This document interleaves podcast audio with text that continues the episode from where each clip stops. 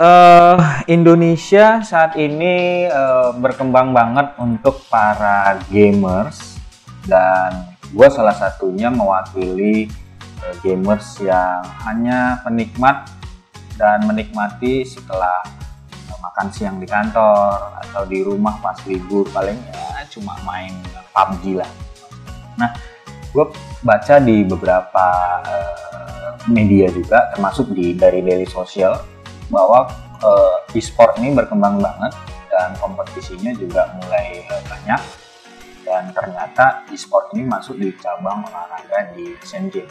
Nah, gue pengen ngobrol dan kepengen tahu nih e-sport ini seperti apa dan gue di episode ke-12 sudah datang dan sudah mau hadir di sini untuk ngebahas e-sport. Ini ada Mbak Risti Bropi Mbak Risti Brovi dari uh, Ultimo Hombre. Ultimo Hombre. Jadi nanti kita ngobrol-ngobrol dengan Mbak Risti seputar e-sport karena Ultimo Hombre ini akan ngebikin kompetisi e-sport ya Mbak ya? Betul. Oke Mbak, awalnya nih Mbak, e-sport itu apa sih Mbak? E-sport itu kalau bahasa yang paling gampang mungkin semacam video game ya, uh, apa pun yang berhubungan dengan bermain game dalam format yang paling mudah untuk kita sebut ya video game uh, apa pun uh, device yang dipakai jadi bisa aja dimainkan di komputer PC game um, bisa pakai konsol kayak PlayStation Xbox gitu-gitu uh, dan yang sekarang populer banget kan mobile based game jadi game-game yang ada di uh, yang bisa kita mainkan melalui handphone kita ya semua itu uh, ada di bawah kategori e-sport. Hmm, okay mungkin istilahnya e-sport itu kan elektronik sport ya. Jadi mungkin olahraga yang uh, menggunakan peralatan elektronik seperti PC, komputer dan sebagainya. Di Indonesia nih mungkin bisa dibilang baru ya Mbak ya? Sebetulnya enggak juga loh. Uh, e-sport ini berkembang dengan pesat. Jadi kalau nggak pesatnya nggak tahu mulainya kapan. Um, tapi berkembang dengan pesat tuh sudah sejak uh, awal 2000-an. Oke. Okay. Ya, cuma mungkin masih under the radar yeah. gitu ya. Hmm. Jadi uh, banyak juga mungkin ya gerakan-gerakan yang nggak kita tahu udah uh, bikin e-sport itu ya di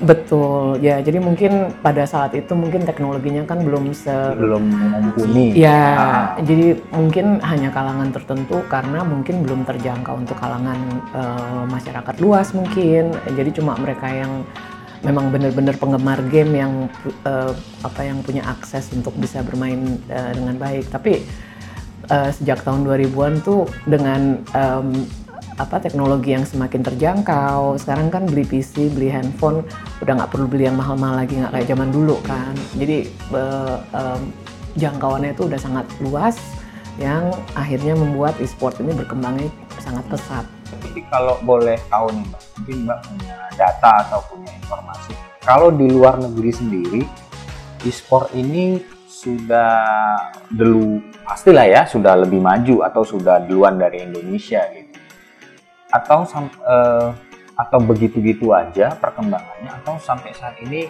luar negeri juga sangat berkembang sekali Indonesia ketinggalan? Um, mungkin Indonesia ketinggalan sih enggak ya. Justru kan sekarang lagi giat-giatnya dikembangkan ya. Tadi sempat disebutkan sekarang e-sport tuh menjadi salah satu olahraga yang akan dipertandingkan di Asian Games.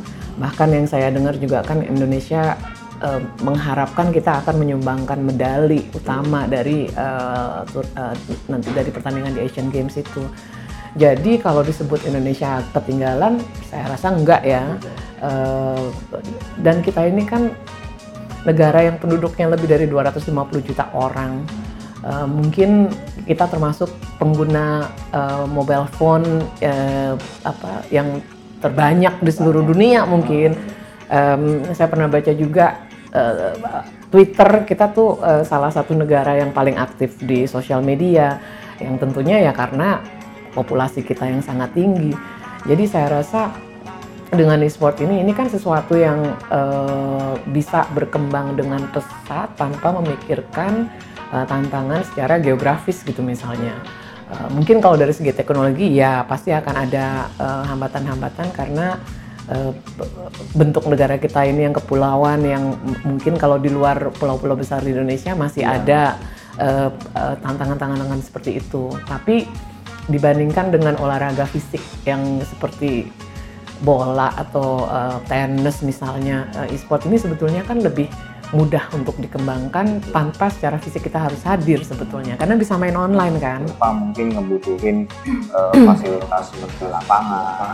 Betul, betul ya. Jatuh, jatuh. Betul masalahnya hardwarenya dan teknologinya. Itu yang belum ya, bisa itu yang, masuk ke sini. itu yang saya rasa tantangan uh, di e-sport. Cuma kalau tadi kita uh, bicara tentang komunitas atau populasi uh, gamers di Indonesia, uh, dari data yang sempat kita pelajari, Indonesia tuh sekarang termasuk ranking uh, 20 besar dunia dari segi revenue yang didapatkan dari industri gaming. Jadi kita cukup punya andil yang signifikan gitu di dunia gaming di dunia. Uh, itu dengan komunitas gamers, uh, populasi gamers sekitar 82 juta saat ini. Uh, revenue dari gaming ini diprediksikan akan naik ke angka menembus 1 miliar dolar di tahun 2018 oh, aja. Tinggi ya. Sangat tinggi. Um, di situlah uh, Ultimo Ombre ini merasa atau melihat Indonesia sebagai bangsa yang sangat menjanjikan, uh, terutama untuk market yang kita coba untuk rangkul. Dalam hal ini kita tidak membidik uh, professional gamers, tapi yang just, yang kita coba bidik justru yang casual casual gamers. Casual gamers itu apa? Ya, casual gamers itu orang-orang kayak kita nih, kayak tadi Mas Abi bilang kan, ya main gamenya PUBG, pulang kantor gitu kan, atau anak-anak kita deh yang uh, pulang sekolah uh, tetap mereka berinteraksi dengan teman-temannya tapi mengisi uh, kekosongan yang uh, betul uh, dan ini kan sebetulnya untuk banyak orang tua menjadi momok yang cukup mengkhawatirkan gitu. Saya lihat sendirilah uh, teman-teman sendiri ya sesama orang tua gitu. Gimana nih anak gue sukanya main game gitu? Uh, apa? Atau hanya boleh main game kalau uh, raportnya bagus misalnya. Atau bahkan ada yang dilarang-larang karena orang tuanya sebetulnya itu nggak ngerti gitu. Mereka cuma taunya anaknya main game. Gamenya apa mereka nggak tahu. Dunia e-sport seperti apa mereka nggak ngerti. Jadi menjadi momok yang cukup menakutkan untuk orang tua. Nah melalui Ultimo Ombre kami tuh ingin memberi inspirasi kepada orang tua kalau anaknya suka main game jangan dilarang karena banyak sekali karir yang bisa dijanjikan melalui dunia e-sports ini. Ini sebuah industri yang masih sangat uh, punya potensi untuk berkembang dengan sangat luas. Karir sebagai karir di dunia e-sport ini nggak cuma hanya menjadi professional gamers. Itu yang pengen kita coba tawarkan ke anak-anak, orang tua juga. Uh, jangan malah dilarang, tapi diarahkan supaya mereka bisa menggunakan platform yang tepat untuk bermain game dengan uh, nyaman, dengan aman, uh, dan semoga dalam proses itu mereka mungkin punya bakat yang bisa dikembangkan uh, sehingga suatu saat mereka bisa menjadi atlet profesional misalnya. Itu yang kita coba tawarkan.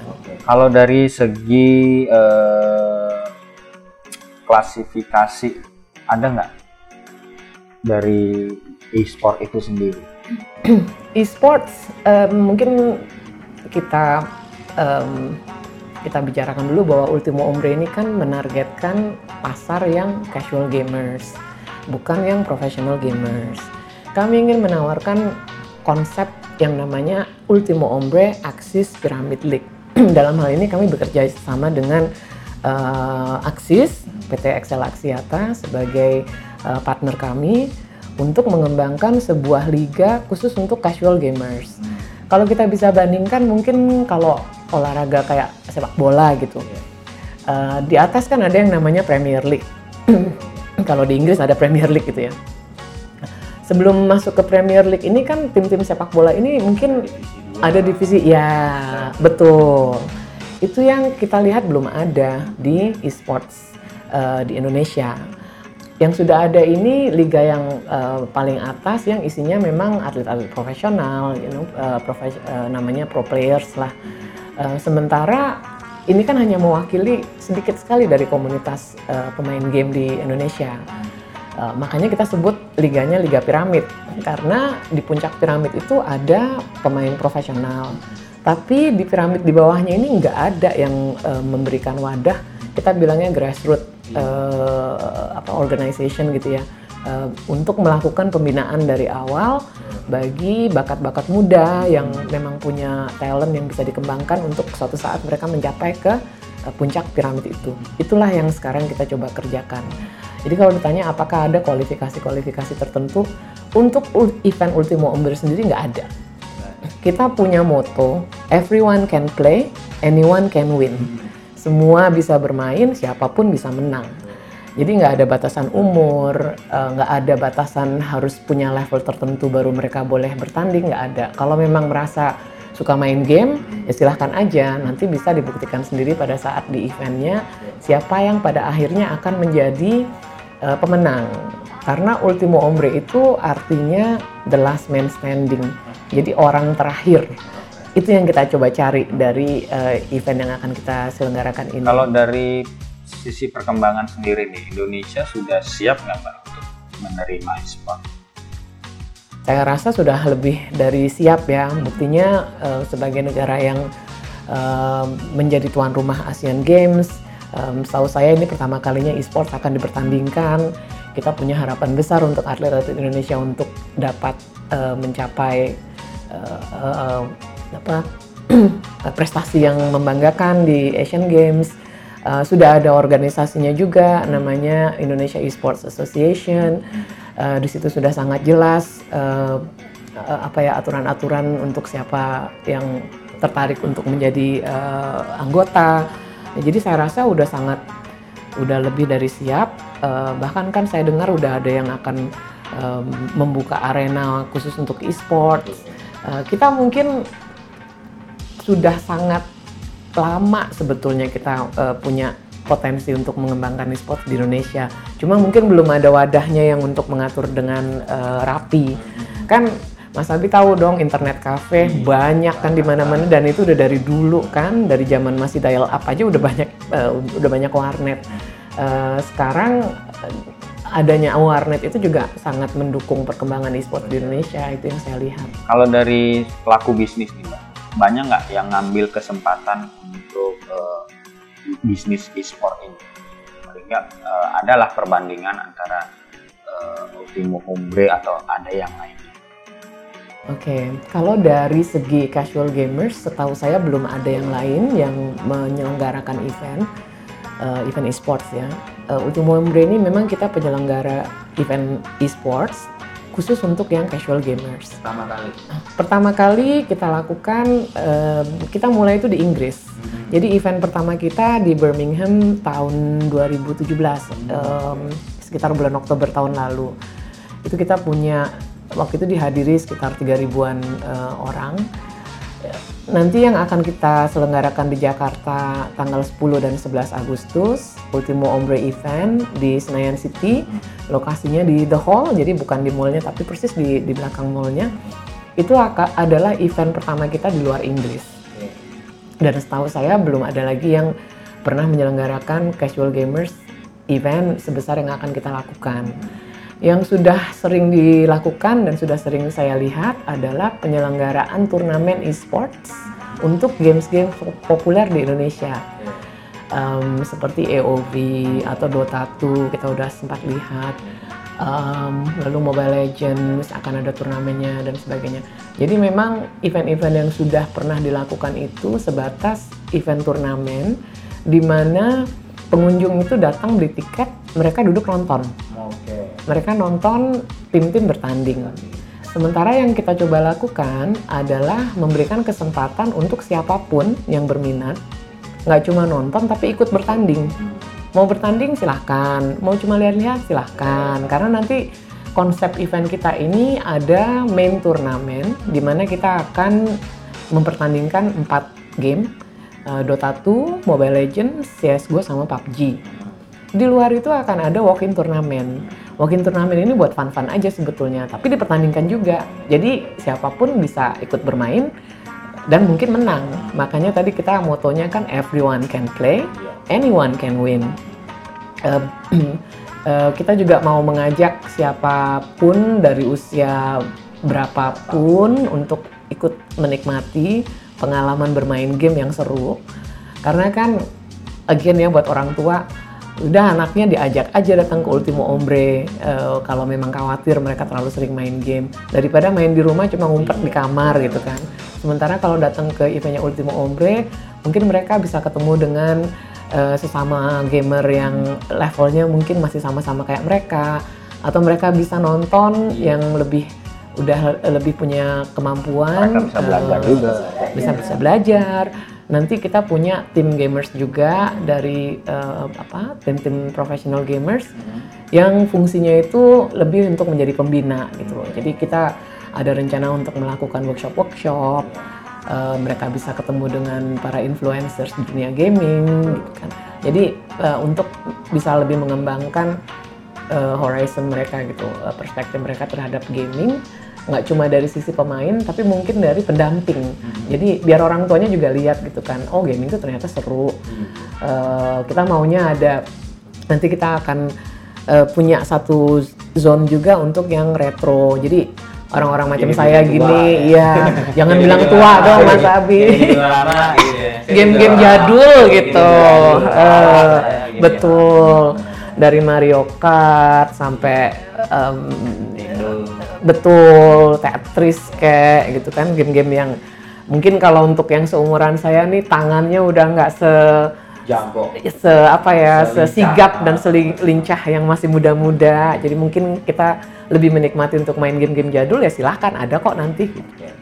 Kalau dari uh, informasi yang mbak dapat mungkin mungkin uh, sebelum ngebikin event ini itu kan mungkin ada observasi atau ada survei. Nah kenapa Mbak bisa ngambil beberapa game seperti PUBG, eh, Mobile Legend? Apakah memang itu yang game-game yang sampai saat ini atau sebelumnya sering dimainkan atau memang itu sesuai dengan apa ya uh, kualifikasi atau? Ya sebetulnya ada beberapa pertimbangan. Salah satunya tentunya kita harus melihat lokasi di mana eventnya akan dilakukan.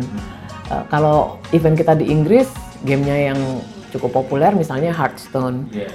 Tapi kita lihat di Indonesia masih ada beberapa game lain yang uh, popularitasnya itu mungkin lebih daripada Hearthstone.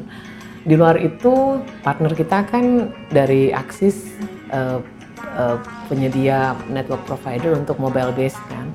Jadi tentunya kita harus memfasilitasi itu juga supaya pemain pengunjung kita juga bisa merasakan menikmati pengalaman bermain game dengan fasilitas teknologi yang dimiliki oleh Axis. Uh, karena nanti di event kita ini tiketnya kan murah banget, cuma 40 ribu. 40 ribu itu udah dapat data package dari Axis um, yang berlaku 30 hari, seingat saya uh, 1 giga bisa dipakai untuk beberapa game, salah satunya PUBG. Jadi kita mencoba memfasilitasi itu juga kan tentunya. Makanya kita pilih game-game populer seperti Dota 2, Mobile Legends, eh, CS:GO sama PUBG. Ya, ya, untuk saat ini yang diturnamenkan di main turnamen. Uh, main turnamen maksudnya apa? Tim-tim yang akan bertanding tuh harus mendaftarkan diri uh, sebelum eventnya. Registrasinya udah dibuka sekarang ada di www.ultimoombre.co.id silahkan daftarkan supaya slotnya tuh uh, masih bisa masih bisa masih terbatas tersedia. atau kita uh, online uh, uh, pre-qualificationnya sampai seingat saya tanggal 3 sampai tanggal 4 nanti finalnya baru pas di acara hmm. tapi pada saat pelaksanaan acara juga uh, apa tetap akan dipertandingkan untuk yang walk in okay. ya Uh, makanya itu tadi pertimbangannya game-game kenapa kita memilih game-game itu ya dengan pertimbangan seperti yang saya sebutkan. Cuma nggak menutup kemungkinan mungkin di event-event berikutnya kita akan pertimbangkan untuk game yang lain juga. Ya, Hmm. kalau dari pelaku bisnis sendiri udah ada fokus nggak mbak ke games e-sport ini? Ada fokus ke sana nggak? Setahun atau dua tahun ke depan? mungkin itu harus dibicarakan dengan yang punya asosiasi kali ya. Uh, tapi sebagai pelaku bisnis di dunia di industri e-sport ini, kami melihat masih banyak sekali potensi yang belum dijamah saat ini. Target marketnya pun masih target market yang sangat belum terjamah. Mereka ini kan uh, belum belum banyak kan brand-brand yang bisa diasosiasikan dengan e-sports untuk saat ini di Indonesia ya. Kalau di tingkat dunia mungkin udah banyak sekali brand-brand besar yang bahkan udah punya tim e-sportsnya sendiri. Tapi di Indonesia saya melihat masih banyak sekali kesempatan yang bisa dikembangkan dan ini yang kita mau coba uh, kembangkan juga di Indonesia bahwa dengan menyelenggarakan event seperti Ultimo Ombre di mana target kita bukan professional gamers tapi casual gamers sebetulnya ini kesempatan yang sangat baik untuk brand-brand pelaku bisnis di Indonesia untuk terlibat dalam rangka memberi dukungan untuk cabang olahraga yang masih sangat baru di Indonesia.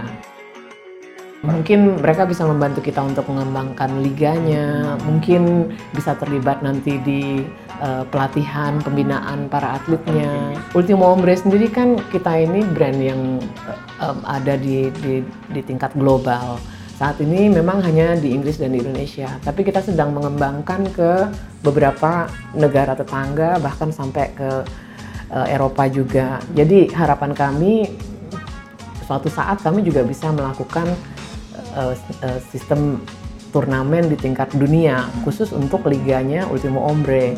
Dengan demikian kan banyak kesempatan juga untuk pemenang dari Ultimo Ombre event di Indonesia untuk suatu saat bisa juga mencapai tingkat internasional melalui liga yang kami selenggarakan. Nah, di situlah sponsor bisa ikut mendukung ya. Um, saya sih idealnya kalau kita bisa melakukan talent scouting, yeah. mencoba mencari bibit-bibit baru yang selama ini mungkin merasa belum cukup mahir atau mungkin punya kendala uh, lain gitu ya dari segi kendala alat gitu kan. betul kan peralatan gaming juga nggak murah-murah amat sebetulnya Follow us dailysocial.id. Subscribe to Daily Social TV.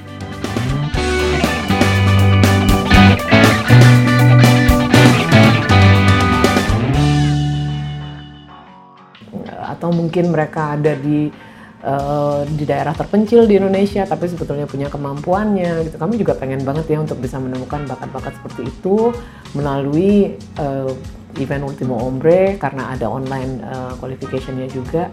Dan suatu saat kalau mereka uh, menjadi pemenang bisa kita kembangkan lagi bakatnya. Kita bisa lakukan kayak mentoring gitu mungkin ya dengan uh, pro gamers yang yang kita ajak kerjasama uh, tentunya kan itu perlu uh, investasi juga. Jadi uh, kami ingin menghimbau uh, pemain bisnis di luar sana cobalah ini ada kesempatan yang sangat besar untuk market yang memang belum terjamah.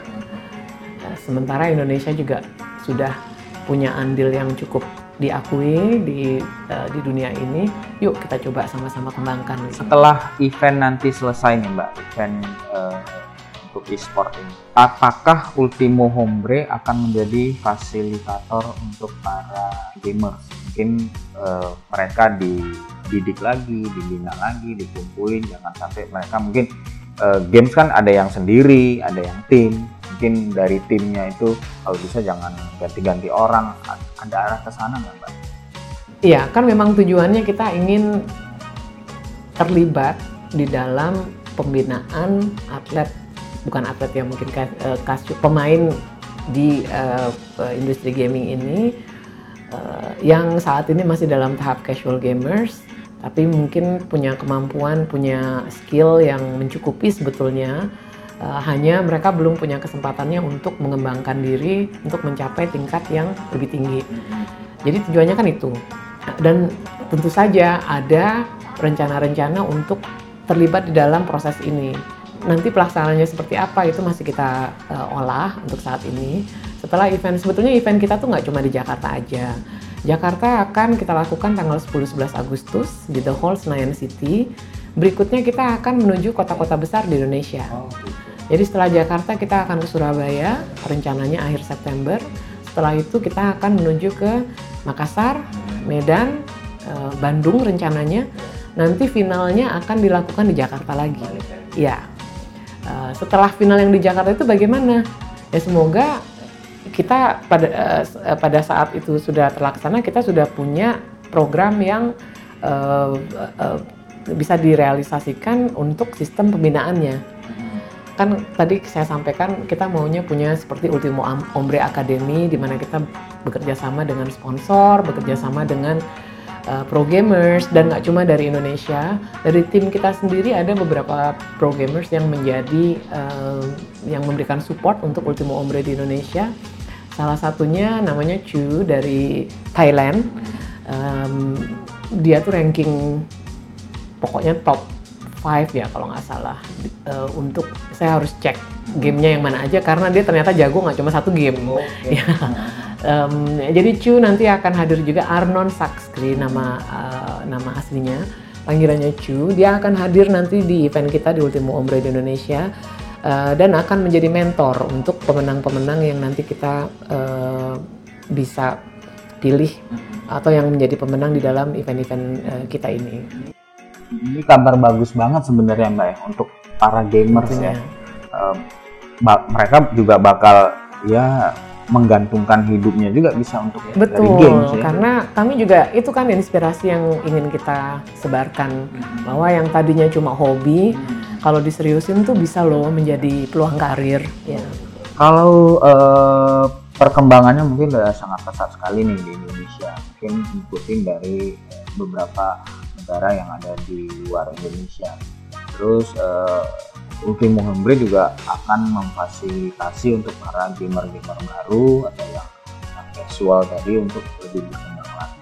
Kalau dari kompetisi e-sport ini Mbak, sejauh ini pemain-pemainnya selain Ultimo Hombre ada lagi nggak Mbak? Atau sudah banyak Kalau di di segi casual gamers kelihatannya masih belum masih ada yang ada. lain ya.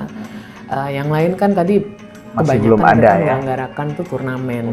Jadi untuk game-game tertentu yang mempertandingkan antara eh, pesertanya juga yang udah profesional. Betul dan sudah ada sistem kualifikasinya. Uh, ada beberapa negara Indonesia sih biasanya pasti uh, by invitation. Um, cuma mungkin ada negara-negara tertentu yang harus melakukan uh, prekualifikasinya dulu.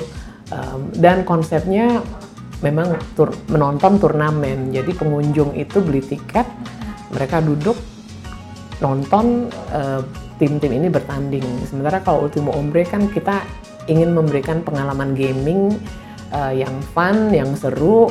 Nanti akan ada entertainment, akan ada musik, lighting dan sebagainya. Sehingga uh, kita ingin uh, gamers-gamers yang uh, casual gamers ini daripada cuma di rumah main sendiri datang deh ke Ultimo Ombre pasti lebih seru mainnya rame-rame gitu. Jadi kalau Ultimo Ombre ini kan sebagai penyelenggara, Mbak. Kalau dari sisi uh, kesulitan, kesusahan, apa yang dialami Ultimo Ombre dalam ngebikin event ini? Pertanyaan bagus karena kendalanya banyak banget. ya, tadi saya saya sudah sampaikan bahwa Ultimo Ombre ini kan menawarkan satu konsep yang baru di mana kita tidak melakukan event ini untuk para professional gamers, tapi justru kita ingin mengajak casual gamers uh, untuk eksis lah di dunia gaming ini dengan tujuan suatu saat mereka bisa menembus ke tingkat yang profesional karena ini konsep yang baru, hmm. tentunya banyak yang belum cukup tahu juga. Yeah. Sehingga uh, kendala kami salah satunya itu untuk meyakinkan uh, bahwa memang konsep ini konsep yang bisa dijalankan gitu. Selama ini kan event-event yang lain itu mereka mengusung game-game yang sudah sangat dikenal. Sementara kita ini kan konsepnya menawarkan ya gamenya semuanya juga nanti ada tapi kita lebih kayak pergi ke apa tim park gitu ya mungkin ya. Kalau kita pergi ke arena bermain kan semuanya ada. semua ada ya, gitu. Uh, jadi konsep itu mungkin yang masih belum bukannya nggak diterima tapi mungkin lebih perlu waktu untuk kami meyakinkan uh, uh, para partners bahwa ini konsep yang bisa dilakukan di Indonesia sudah dilakukan di luar negeri dan uh, animonya cukup tinggi. Itu salah satunya. Yang kedua mungkin dari segi um, branding kali ya. Hmm. karena uh, pada awal kita menawarkan atau memperkenalkan konsep Ultimo Ombre ini pengertiannya pemahamannya tuh agak sulit gitu loh. Jadi ini gimana gitu, event apa, event e-sports. Oh berarti nanti yang bertanding tim dari mana? Itu pertanyaan-pertanyaan yang uh, umum pada saat kita pertama kali memperkenalkan konsep ini. Uh, karena memang yang sudah ada di pasaran kan dengan konsep yang seperti itu. Ini turnamen, gamenya nanti Dota 1, yeah. tim yang akan bertanding, tim A, tim B dan sebagainya. Uh, ada online uh, pre-qualification, tinggal kita datang nonton final. Mungkin ada entertainment, ada sponsor booth dan exhibition. Yeah. Kalau ini kan enggak. Jadi uh, itu sih cuma kendala yang yang yang terbesar yang saya rasakan ya untuk meyakinkan atau memberikan pemahaman terhadap konsep Ultimo Ombre yang membidik casual gamers. Kalau dari pendaftar Mbak, peserta sudah berapa? Harus dicek dengan tim saya karena online registration itu baru mulai aduh saya nggak punya angkanya tapi target kita kan nah, untuk target berapa? ya target kita untuk uh, dua hari itu sekitar 2.500 orang. Ya campur pengunjung. yang lain ya? Um, dan untuk uh, turnamennya hampir seribu lah. Ya dalam dua hari. Dibagi dengan beberapa game tadi ya? Um, ada informasi yang mungkin Mbak Risti mau tambahin seputar e-sport atau mungkin unek-unek untuk pemerintah atau pelaku bisnis harus lebih mengembangkan lagi e-sport ini atau? Kalau dari saya pribadi dalam um, pengalaman mempersiapkan event Ultimo Ombre ini, mungkin satu himbauan kali ya yang bisa saya um, sampaikan.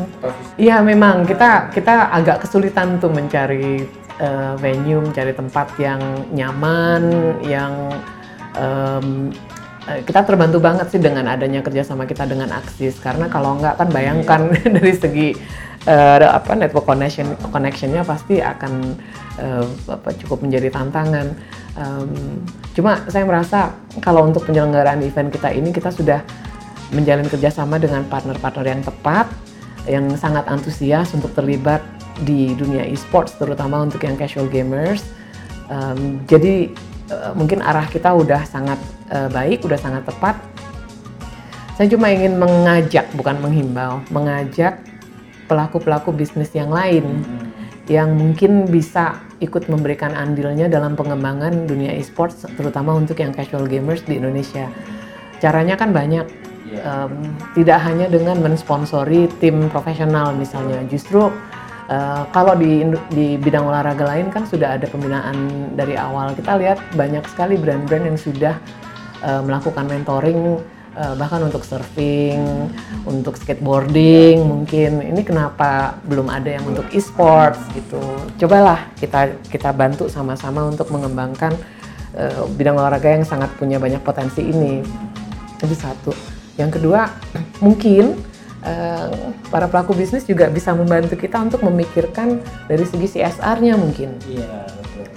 Uh, kami punya rencana untuk mendevelop sebuah uh, gerakan mungkin ya untuk uh, memanage e-waste management gitu, uh, electronic waste. Jadi uh, terutama hardware. Yeah. Uh, hari gini kan banyak ya uh, yang punya duit uh, bisa beli per perlengkapan terus nanti laptop yang lamanya dikemanain yeah. gitu.